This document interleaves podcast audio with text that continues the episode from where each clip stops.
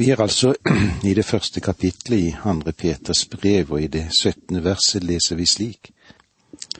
For han fikk ære og herlighet av Gud Fader den gang røsten lød mot ham fra den høyeste herlighet. Dette er min sønn, den elskede, som jeg har behag i. Dette er min sønn, den elskede, som jeg har behag i. Han, Jesus, fikk den høyeste ære som tenkes kan. Av Gud ble han kalt hans elskede sønn. Alford sier det slik, ære i røsten som talte til ham, herlighet i lyset som skinte fra ham. Og en, han fikk en herlighet som hevet ham så endelig høyt over alle andre skapninger. Det er tenkt på den lysglansen som de tre apostlene, det som han fikk lov til, det de fikk lov til å se stråle slik som vi opplevde det i Matteus 17,5. Et gjenskinn av Guds egen herlighet, som gjorde at hans ansikt skinte som solen og klærne ble hvite som lyset. Det var guddomsglansen som brøt gjennom tjenerskikkelsen, dette. Guds herlighet var da Jesu egen herlighet. De så hans Jesu herlighet. Dette veldige vitnesbyrdet som Gud avlegger om Jesus ved den anledningen, er at han er Guds sønn. Han er ganske enestående på den måten som han har sitt utspring i Gud, som Okland sier det.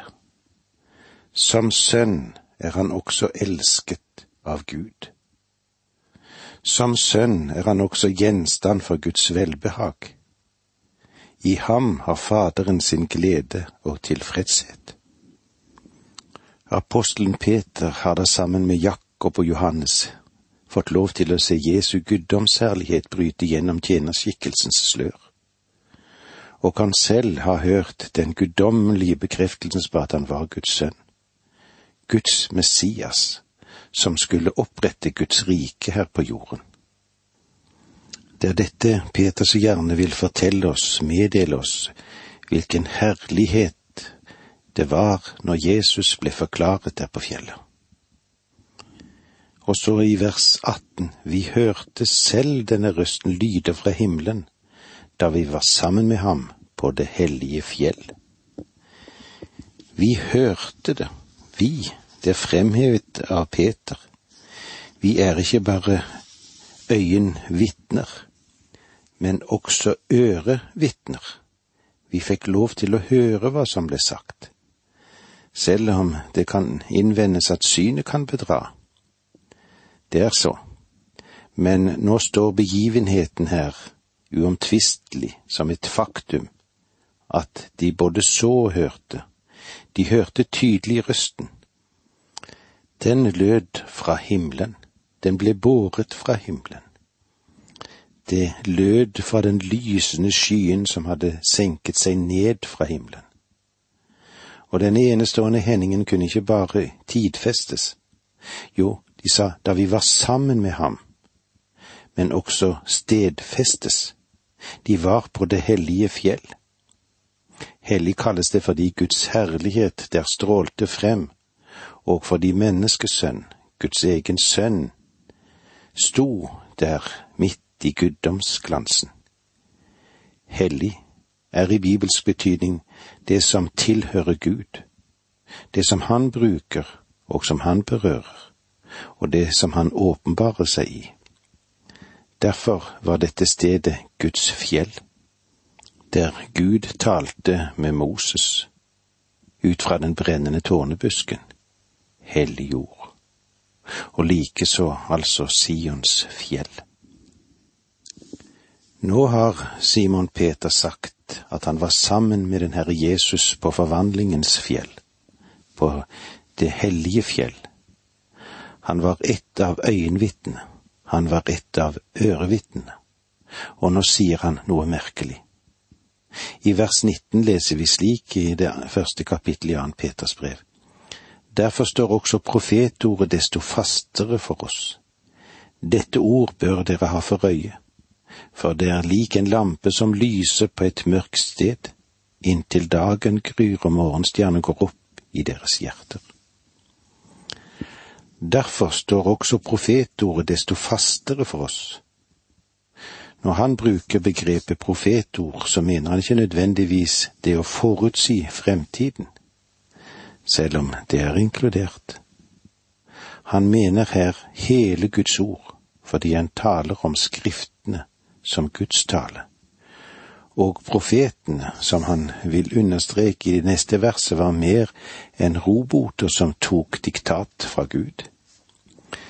De var heller slik at de uttrykte sine egne følelser og sine egne tanker, og likevel var Gud i stand til å overføre sin fullstendige vilje og sitt ord gjennom de menn som skrev Skriftene.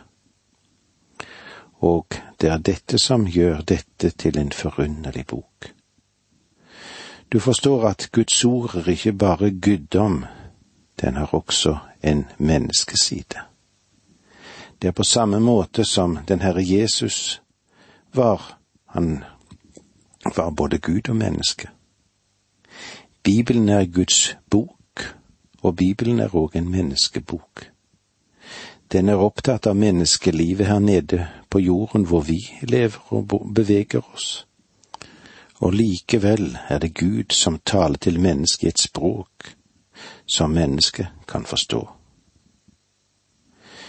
Mange mennesker sier med lengsel å, om jeg bare hadde vært sammen med Peter, om jeg bare hadde kunnet sett det han så. Du har noe som er bedre. Hva er det? Du har Guds ord. Det vil tale direkte til deg om du vil åpne ditt hjerte og tillate at ordet får tale til deg. Guds ord er bedre enn å se og høre. Derfor står også profetordet desto fastere for oss. Gjennom det Peter har forklart, får de en bekreftelse på at det profeten har sagt, det er sant. Hendelsene på Forklarelsens berg betydde ikke bare å se Jesus i et nytt lys, men også profetiene fikk de se i et nytt lys. Dette ord bør dere ha for øye, for det er like en lampe som lyser på et mørkt sted. Guds ord er et lys, en lampe, en lyskilde som solen er det på himmelen. Det er en sentrifugalkraft på samme måte som solen gir oss sitt lys, kaster det ut i universet, sender Guds ord ut ly, et lys, en kraft. Det er et overnaturlig budskap. Ja, det er det eneste vi har i denne verden i dag. Guds ord er det fremste fysiske mirakel vi har fra Gud i den tid hvor vi lever og slik vil det være til Jesus kommer, inntil dagen gryr og morgenstjernen går opp i deres hjerter. Jesus blir kalt den klare morgenstjerne i åpenbaringen 2.16. Inntil han kommer, er hans ord sentrifugalkraften som strømmer gjennom verden og drar mennesker fra verdenssystemet og fører dem inn i Guds armer. Det er et veldig bilde vi har foran oss her. Men dere må fremfor alt vite at en ikke kan tyde noe profetord i Skriften på egen hånd, som det står i vers 20. Men dere må fremfor alt vite. Simon Peter sier at dette er det første vi må kjenne til. Ord vite er en kunnskap som kommer ikke bare fra Guds ord, ikke bare fra de fakta som kan fanges inn om du har et ærlig hjerte, så vil du snart få klart for deg enten Bibelens fakta er eksakte eller ikke. Men dette er ting som du kan kjenne ved at Den hellige ånd får levendegjøre det for deg. Det er vidunderlig å få oppleve det som finnes i Bibelen. Det er en bekreftelse på at alt det jeg trenger for mitt åndelige liv finner jeg hos Jesus, og blant det som våre forfedre har gitt oss, og det som vi òg får gjennom forkynnelse av et klart budskap om den Herre Jesus Kristus. Og med disse ord må vi si takk for nå, må Gud være med deg. Dette undervisningsprogrammet består av to deler. Åge Nevland fortsetter nå med andre del av dagens undervisning. Vi er i Peters andre brev, i det første kapitlet der, og vi får lov å se den herlighet og oppleve den herlighet som Jesus tilveiebrakte for oss når han var på Forklarelsens berg, og som Peter nå forteller oss hvordan vi kan få del i dette, og hvordan Peter òg gjerne vil at vi skal få lov til å formidle dette videre. Og så leser vi ifra det tyvende verset i kapittel én i det andre brevet til Peter. Men dere må fremfor alt vite at den ikke kan tyde noe profetord i Skriften på egen hånd. Men fremfor alt må dere vite, altså. En kan ikke tyde noe profetord i Skriften på egen hånd. Det Peter blant annet sier her, at ingen del av Skriften skal tolkes uavhengig av andre henvisninger til det samme temaet. Det er årsaken til at jeg stadig ber dere bli kjent med hele Bibelens bredde, så ingen skal dra ut et enkelt vers av Skriften og bygge sin lære eller sin oppfatning på dette lille verset alene. Kanskje jeg kan være så dristig å si at om ikke kan få hele Skriften til å bekrefte din oppfatning, så er det kanskje best at du skifter oppfatning. Simon Peter sier altså at ingen del av Skriften skal tolkes ved seg selv. Vi trenger å få det bekreftet ved andre skrifthenvisninger. Vers 21 For aldri er noen profeti båret fram fordi et menneske ville det, men drevet av Den hellige ånd talte mennesker ord fra Gud for aldri er noen profeti båret frem fordi et menneske ville det. Åpenbart henviser han til Det gamle testamentets profetier. De er ikke et produkt av menneskene sine, sin vilje. Det var ikke slik at Jesaja sa det for eksempel han satte seg ned en dag og sa, Jeg tror at jeg nå vil skrive en bok om alt det jeg opplevde det kan kanskje også gi meg økonomisk tilskudd, om den blir utgitt. Det er kanskje årsaken til at mange skriver bøker i dag, det er så, men det var ikke slik for Jesaja. Lytt nå til Peter. For aldri er noen profeti båret frem fordi et menneske ville det. Jesaja-profetiene var ikke noe som Jesaja i sin klukt tenkte ut men drevet av Den hellige ånd talte mennesker ord fra Gud. I den gamle oversettelse står det ikke bare mennesker, men hellige Guds menn. Og det er hellige i betydningen satt til side for en bestemt tjeneste. Om du er en hellig kristen, så betyr det at du er satt til side for Jesus Kristus. Hellig betyr å være satt til side, avsatt for. Men drevet av Den hellige ånd talte mennesker. Hørte du det? Et vakkert uttrykk. Men drevet av Den hellige ånd talte mennesker. Det greske språk gir oss faktisk et bilde av et fartøy under seil. Vinden fyller de store seilene, sprer dem ut og skyver skipet fremover. Slik Den hellige ånd beveget disse menn. Drevet av Den hellige ånd. Apostelen, hva gjør han her? Jo, han bruker et skipsuttrykk, et maritimt uttrykk, drevet. Og det er òg brukt i apostelens gjerninger om skip som blir ført av sted av vind. Profetene heiste altså sine seil.